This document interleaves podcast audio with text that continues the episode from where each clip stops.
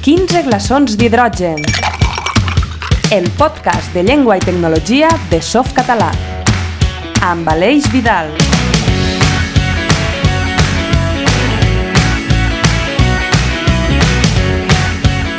I tornem a ser aquí un cop més per parlar amb vosaltres de llengua i tecnologia en aquesta taverna. La taverna dels 15 glaçons d'hidrogen. Aquest és l'episodi número 6. Uh, L'anomenem carboni carpelat. Aquest és el nom intern que els hi posem en els nostres episodis i que ve ser una miqueta un joc amb els elements químics i la taula periòdica. Eh? Recordeu que al primer episodi li vam dir hidrogen hipercomplex, doncs anem jugant així una miqueta amb l'heli, amb el liti i un adjectiu amb la mateixa lletra per eh, fer una miqueta més divertit, com algunes distribucions de Linux, de fet. Ho vam comentar en algun episodi, així que si voleu recuperar-los només heu d'anar a les plataformes de podcast i, o a la nostra web i trobar-los. Jo, per si de cas, parlant de carboni, m'he guardat aquí una, un refresc de cola, per no dir marques, per anar passant el programa.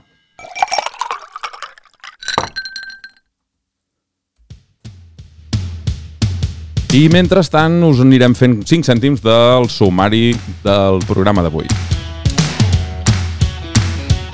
Per començar tenim una mica d'actualitat, com sempre eh, ens la repassarà l'Artur. Eh, em sembla que porta coses de Genome, eh, del Richard Stallman, també parlarem un altre cop del tema de la veu i la tecnologia, que és molt important. I més tard en Xavi ens farà entrar al rebost per fer una mica de música, ja veureu de què va. Uh, I en Josep ens portarà una etapa de refranys, aquesta vegada una mica primaveral.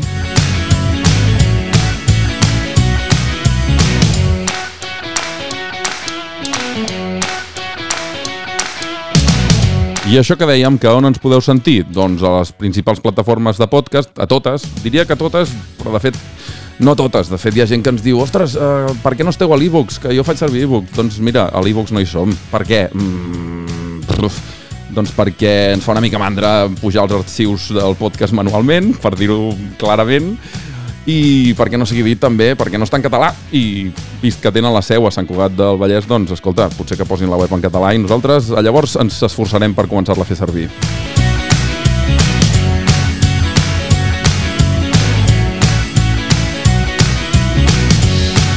Amb tot, eh, anem tirant ja cap a l'actualitat que avui va planeta de coses.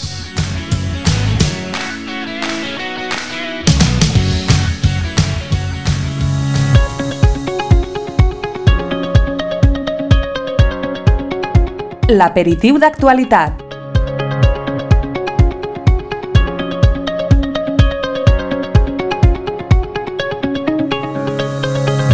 Hola Artur, com estàs? Hola, Aleix, què tal? Doncs mira, esperant aquí que ens faci 5 cèntims d'aquestes noticietes que hem recollit eh, aquest mes, no, diguéssim. El, el, el primer que veig aquí en el guió és que parlem una miqueta del Genome, no? Que, ostres, 40 versions ja portem? Com, com, com funciona això? Sí, senyor, sí, senyor. Ja eh, fa uns dies s'ha alliberat la versió número 40 del GNOME, del genome, del GNOME, del GNOME, com Sí, digue, diguem-li com vulguem, sí. Hem passat, eh, en esta versió 40 eh, s'han canviat moltes coses, no? però sobretot la nomenclatura de les versions, que fins ara es dia GNOME 3. Punt, i el nombre de la versió, no? el número Mhm. de la versió. En, en este cas seria el 3.40, però ja s'han desfet de la part del 3. Punt, i directament ja a partir d'ara s'anomenaran Nome 40, Nome 42, 44... Ara ho entenc, cap, perquè jo sempre era allò, en- entres al teu sistema operatiu de Linux, tries l'escriptori que vols i era allò, ai, el Genome 2 i el 3, i ara pensava 40 ara, que... Vale, si és com si diguéssim seria el 340, però ara ja no li diran mai més 3, no? Exactament. Molt ja basats en que sempre serà la versió 3, gran versió 3 del GNOME, Es- doncs ja eh, la 40, la versió Ah. neta 40. Escolta, i deu portar molts canvis o novetats, no? Suposo. Sí, sí. Sí a, a part del nom de la canvi de nom de la nomenclatura, han incorporat més de 24.000 canvis en estos sis mesos de desenvolupament, entre correcció d'errors, noves característiques, Mhm. i els més importants, així per resumir, seria el canvi de la pantalla d'activitats. Saps que quan en el, en el nom vas al cantó esquerre de dalt, Sí. Ui, molt pràctic. ah, hi ha un text. Sí, sí. Això m'encanta. activitats i tu, tu fas clic ahí Mhm. i ja és un resum dels escriptoris que tens, les finestres, no, les aplicacions. Sí. Doncs ara la barra d'aplicacions que estava a l'esquerra ha passat a estar baix i els escriptoris són més fàcils de navegar perquè estan tots distribuïts de manera horitzontal. Val. Pots anar Val, o sigui, el que teníem les aplicacions preferides a una barra lateral a l'esquerra, ara van, van a baix, diguéssim. Sí, senyor. Val, molt bé.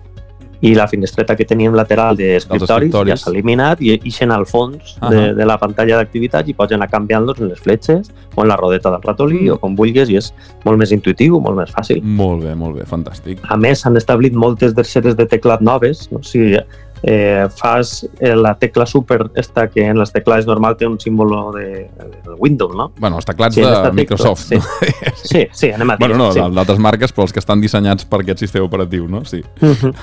Si fas la tecla, tecla. super, super, Mhm. que és esta, el alt, i després les fletxes de cap avant, cap darrere, cap amunt o cap avall, Mhm. aniràs també canviant, navegant, traient la, la finestra d'aplicacions o baixant, o Ah aniràs navegant per, pel menú d'activitats i és molt intuitiu, molt fàcil. Molt bé, ens anirem acostumant, doncs. Sí, sí, sí. A més, eh, una altra cosa que han fet han sigut millorar les aplicacions que venen per defecte a l'entorn d'escriptori, no? com la de l'oratge, les, els mapes, el navegador, tot ha sigut un poc redissenyat, millorat, i vamos, eh, si voleu de veres veure els millores de l'escriptori, només cal que actualitzeu a la nova versió i podreu veure en primera mà com ha canviat l'escriptori. Doncs mira, ja estic actualitzant, eh, el meu Debian.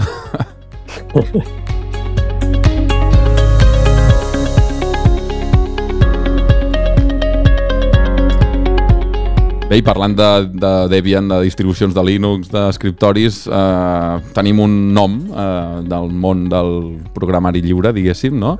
que torna a estar d'actualitat, Richard Stallman. Crec que hi ha hagut una mica de controvèrsia. Què, què, què ha passat, a veure, exactament amb en Richard Stallman? Sí, bueno, per, a, per a la gent que no se n'ha assabentat del que ha passat o de qui és Richard Stallman, és, diguem-ne, el gurú, no? un gurú del programari lliure. No? Va ser el fundador del projecte GNU, de, el fundador de la Free Software Foundation, Mhm. que és una fundació que s'encarrega no? de promoure el, el programari lliure a nivell internacional. Doncs este home, que sempre ha sigut, bueno, va ser el fundador, president, en 2019 va tindre una sèrie de declaracions desafortunades o relacionades en el cas aquest de el cas Epstein, no sé si vos sona, de un cas prou compromès Complicat. i bueno, es veu que es va mullar en algun aspecte que va ser, mm, no sé si políticament incorrecte o com vulgueu dir-ho, però la gent es va enfadar molt en ell i això va provocar no, que tinguera que dimitir com a president de la, de la fundació. Bueno. Eh, bueno, i això va, va generar molt de, molt de ressò no? en 2019 i des de llavors no ha sigut, no ha tingut relació amb la fundació, però de fa uns dies la fundació ha anunciat que eh, esta persona tornava a estar dins de la directiva de la, de la fundació. Ah, carai. Així de cop. Sí, sí. Així, sense avisar i sense explicar els motius. I clar, això ha provocat que totes les figures o moltíssimes figures del programari lliure, no, de projectes molt importants dins del programari lliure, es posicionen en contra, no? eh, perquè aquesta persona ara ja representa una cosa prou negativa Ja. en aquest ja. aspecte. I és com tatxar un poc la imatge no, de les fundacions de programari lliure. Ahà. I Bé, llavors no- pues, estan tots en contra, han firmat una carta oberta per a demanar la seva dimissió. Com Mhm. està tot el món del software lliure, eh, del programari lliure, està rebolicat, molt Sí. rebolicat. Sí, sí, de fet, en les converses, en els nostres xats de Softcatalà ja ha sortit el tema, no? També, amb una Mhm. mica de debat, també. Uh, Com dirien eh, els meus amics del meu poble, n'hi ha salseo, salseo Salseo. en el software lliure. I tant. Una copeta pel Salseo.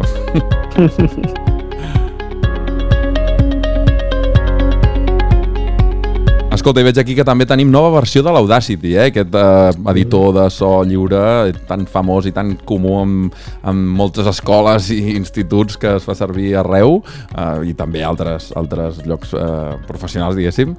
L'Audacity, versió 3, veig, no?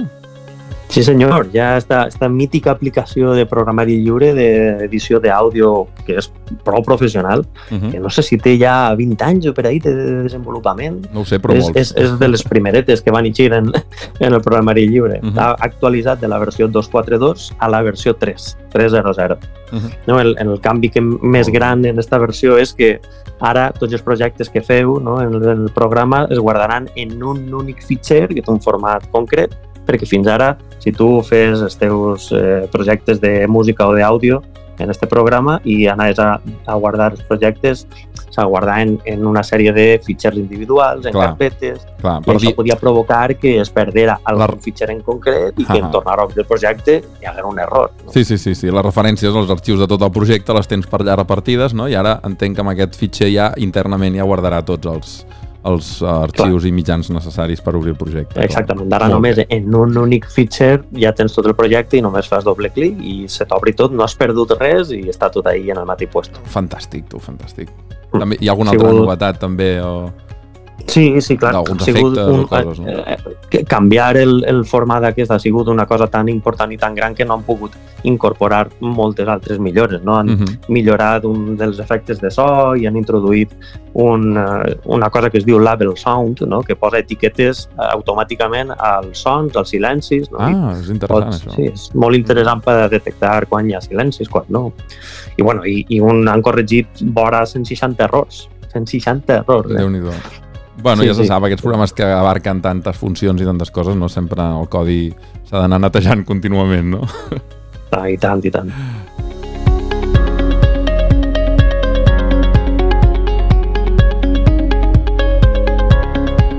I toca parlar una mica del gegant, la- un dels gegants de les GAFAM, eh, en Google, però per alguna cosa mm, positiva, si més no una mica, eh, pel català, no? Em sembla?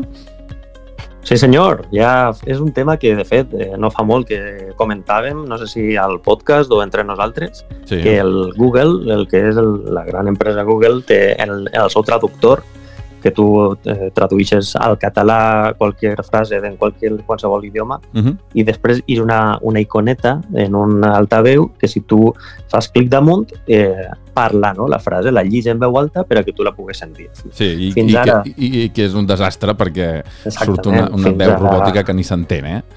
Ja, això, això és. Dius fins la ara, eh, però, és això, que, que ha canviat, això, llavors, ara.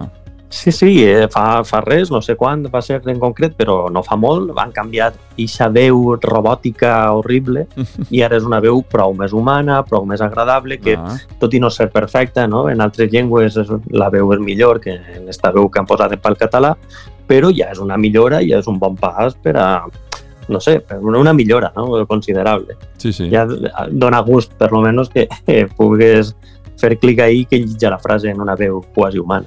I això només, eh, aquesta veu només funciona en aquest producte de Google, no?, de moment? De moment només hem trobat que l'han canviat així. No? Mhm. De moment no, que, que jo personalment hagi provat encara no l'han aplicat a productes com el Google Maps, no? que et dona indicacions de veu. Ostres, De moment Sí. en, encara no hem aconseguit aquesta fita de que ens doni indicacions en català. Però... doncs mira que li fa falta, eh? Tant el Google Maps com, com altres... Com, bueno, l'assistent de veu mateix de, de, de Google, no? Que, bueno, I tant, el que Google... molta.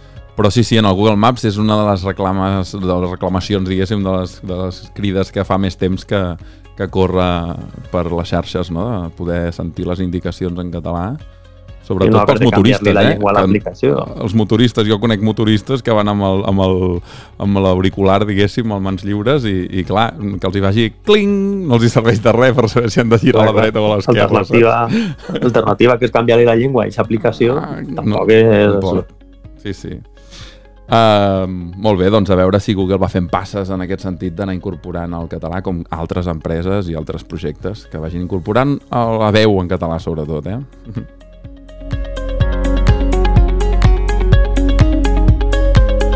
Mentrestant, la comunitat anirà fent els seus passets per anar incorporant la veu al màxim de projectes i tenim que una d'aquests projectes que treballa per la veu en català ha arribat una nova fita, no? Common Voice.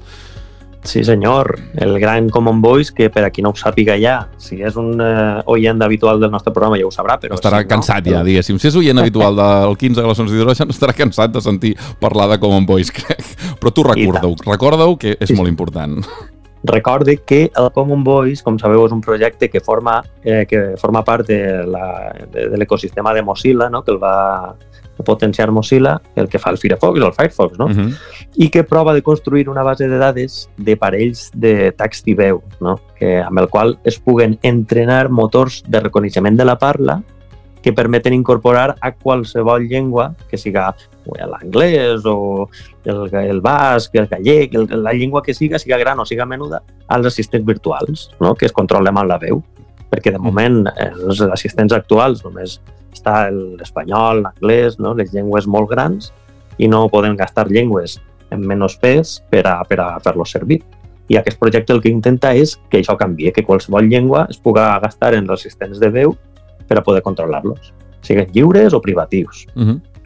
I la fita, o diguéssim, que hem arribat ara, eh, és és que al català ja tenim més de 850 hores enregistrades, Uf, no? hores de veu enregistrades pels usuaris voluntàriament que han Mhm. volgut contribuir al projecte i a part de les enregistrades tenim més de 720 hores validades. Ostres, i què I passa amb les, amb les 130 que encara no estan validades?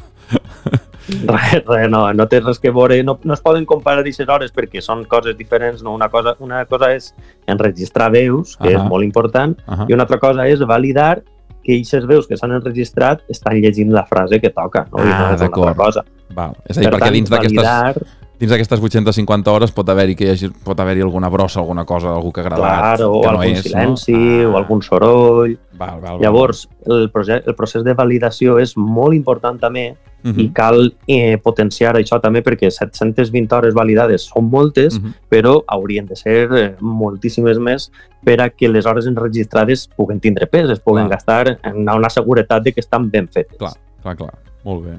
I per tant fem una crida, no? Des d'aquí, com sempre, cada, cada episodi. Sempre. Des d'ací vos animem a que participeu al, al Common Voice. Si no voleu donar la vostra veu perquè vos fa vergonya o perquè vos fa mandra, només validar els talls que altres persones han registrat ja és una ajuda brutal. I parlant de Common Voice, un dels projectes que veu de totes aquestes dades és el del nostre company Kieran, que, com vam comentar a l'últim episodi, ha posat en marxa a assistent.cat, eh, si aneu a la web d'assistent.cat, trobareu una instància de Mycroft, que és un assistent de veu lliure eh, que estem eh, provant de que funcioni en català. No? Um, ara mateix, si aneu a assistent.cat, una de les novetats és que... Artur? És que podem triar la veu de l'Ona o del Pau. No? Podem triar una veu femenina o una veu masculina, diferents tecnologies per a processar aquesta veu, no? per, a, per a fer el text-to-speech, Uh -huh. que es diu en anglès, i, i bé, i moltes altres funcionalitats que podeu anar a provar, eh? que és molt interessant. Sí, en va posant... un poquet en el... va, va, va canviant això, vam uh, afegint novetats i noves característiques per anar provant, perquè es tracta d'això, de, de provar a veure com ens sortiria un assistent de veu en català i veure si algun producte o alguna marca o empresa ho, ho posa en marxa, no?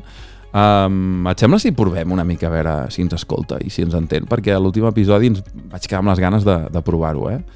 Sí, home, tira-li. Anem, anem a provar a preguntar-li al Pau si... Uh, a, veure, si, a veure si sap què és softcatalà. Busca a la Viquipèdia softcatalà. Permeteu-me cercar sobre Softcatalà.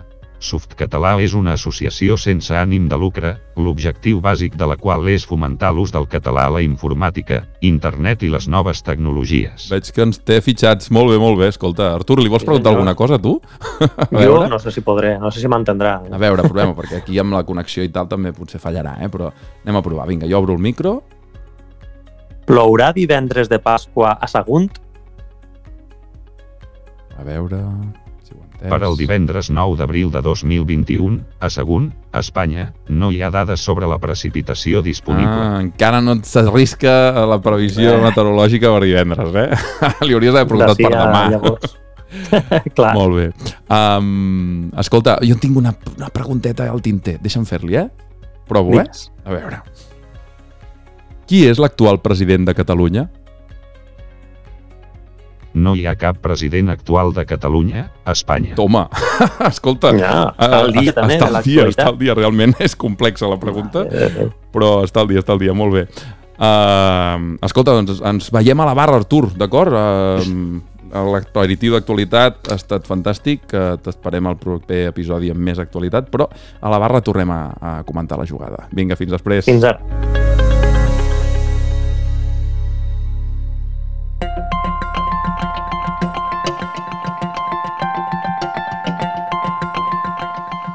I ens apropem cap a l'espai on guardem tota mena de perles del programari en català, perquè avui hi ha alguna coseta interessant.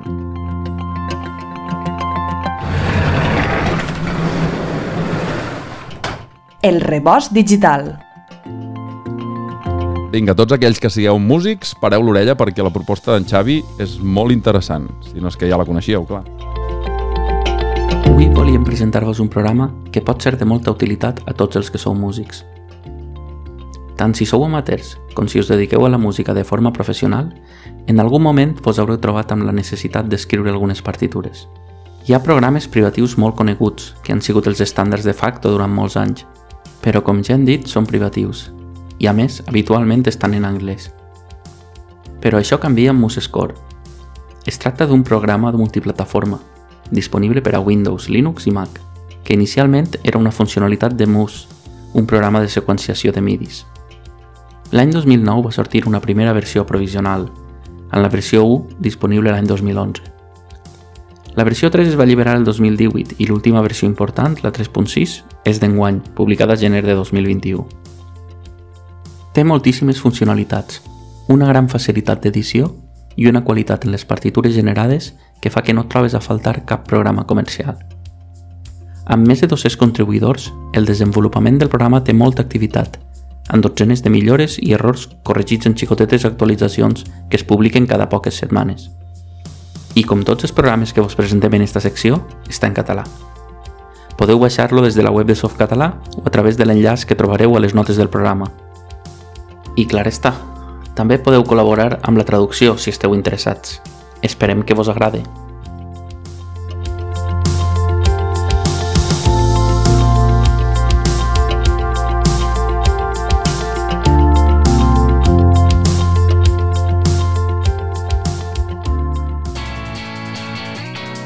Parem taula.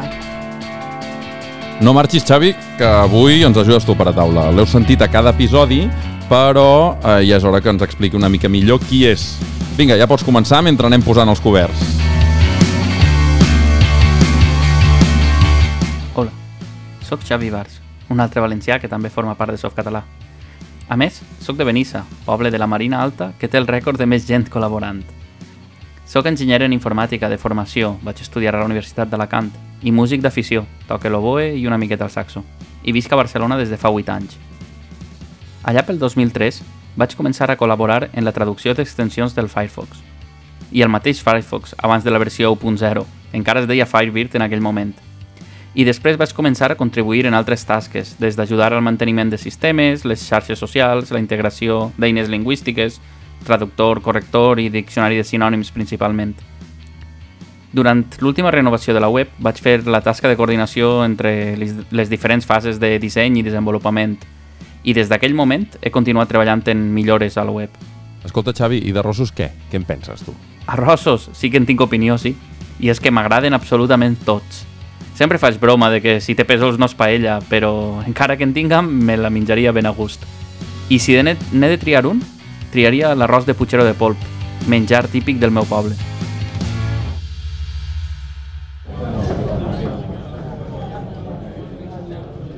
Bé, doncs amb aquestes ganes de menjar arròs eh, de Puigero, eh, ja comença a omplir la taverna, eh, ja sentiu el xivarri. Eh, de fet, eh, comença... La gent té una mica de ressaca perquè hi ha hagut aquest canvi d'hora. Eh?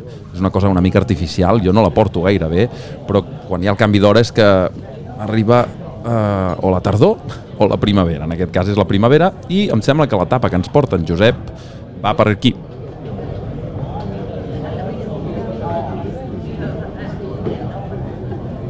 Una tapa de refranys amb Josep Closa. Bon dia, xiquets. Una flor no fa estiu ni dues primavera. Acabats d'entrar a l'estació on la vida torna a fer-se lloc a la natura, amb flors i plantes mostrant-nos la seva força, el refranyer català ens recorda que una flor no fa estiu ni dues primavera. Aquesta frase, recollida tant a la Franja com al Vallès, ens recorda que no tot és el que sembla. A Mallorca fan servir una frase semblant. Una oreneta no fa estiu ni dues primavera, recollida ja l'any 1910. Tot i això no és la variant més antiga que trobem del refrany. El 1831 apareix al Diccionari de Refranes Catalanes i Castellanos. Una flor no fa estiu. però no tots parlen de flors o oronetes. Una mosca no fa estiu, una oroneta no fa primavera, una figa no fa estiu, etc. Perquè les aparences i les primeres impressions són enganyoses. També tenim per dir que molta aparença i poca realitat, molt soroll de boixets i poques puntes, molta fresa i poca endreça o moltes bufes i pocs trons. Però sabeu què? Jo em quedé amb una adaptació que van fer a Twitter. Una oronella no fa estiu, però alegra qui la viu. Apa, siau!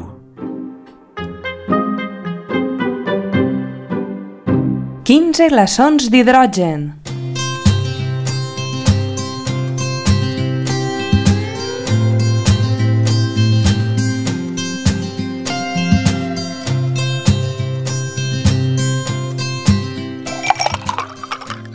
A la barra.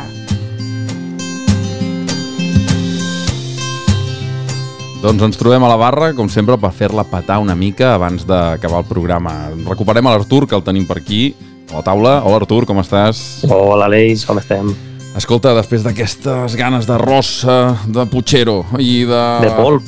Uh, de polp, exacte, de pop, i d'aquesta tapeta de refranys primaverals, uh, doncs escolta, no sé, jo estic una mica ja pesat, em sembla. Vols algun refresc, algun uh, digestiu? Un digestiu, un Exacte. digestiu.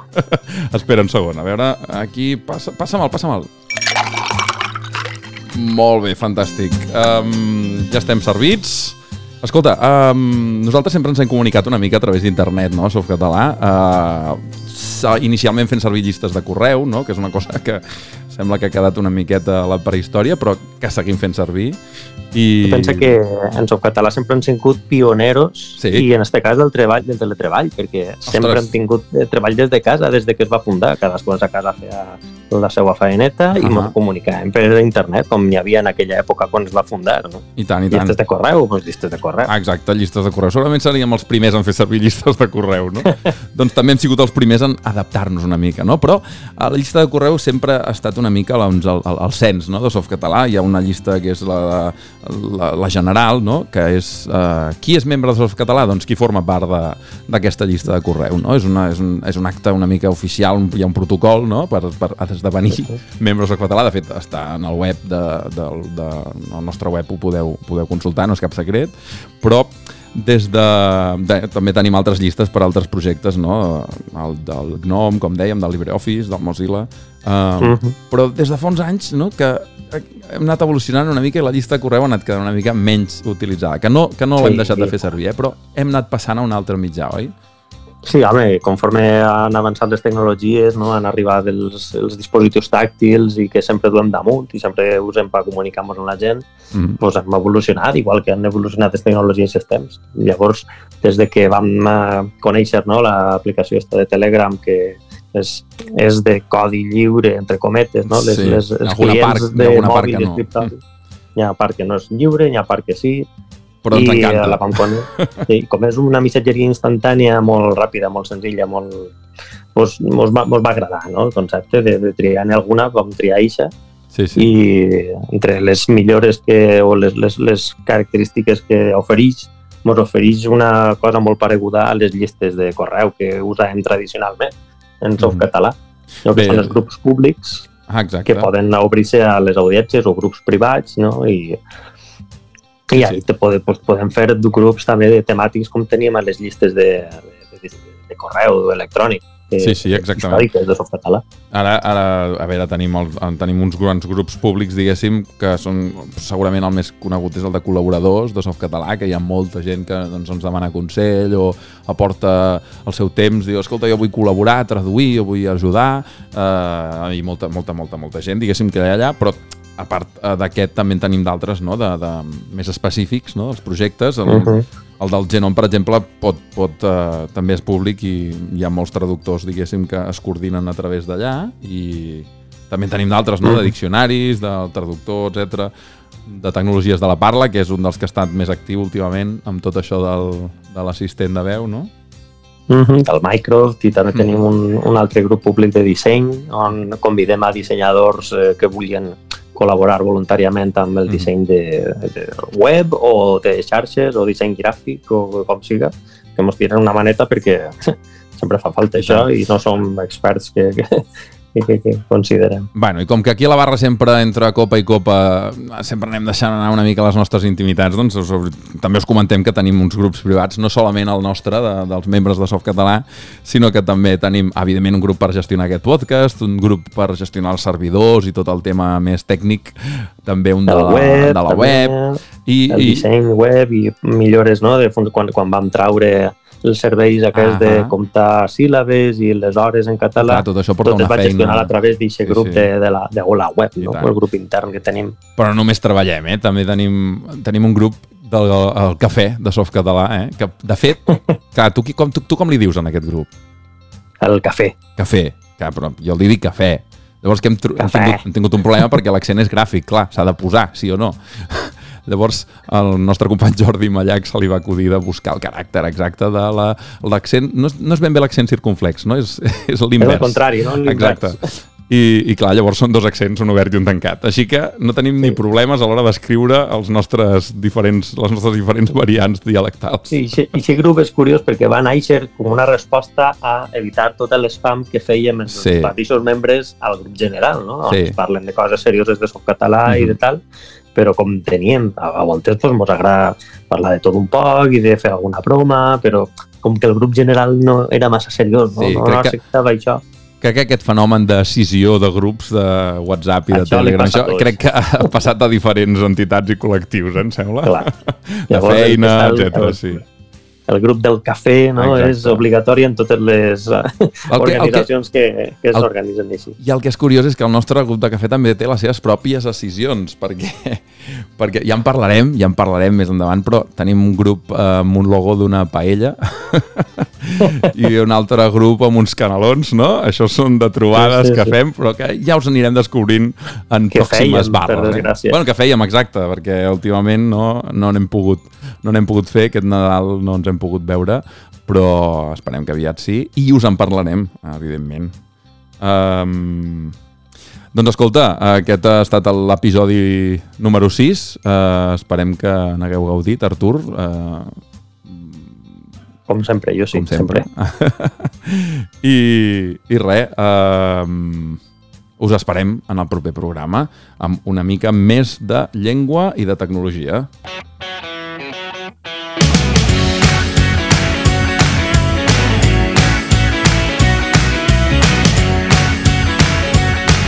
Mentrestant només ens queda dir que... Jove xef, porti whisky amb 15 glaçons d'hidrogen, coi! 15 glaçons d'hidrogen, el podcast de llengua i tecnologia de Softcatalà.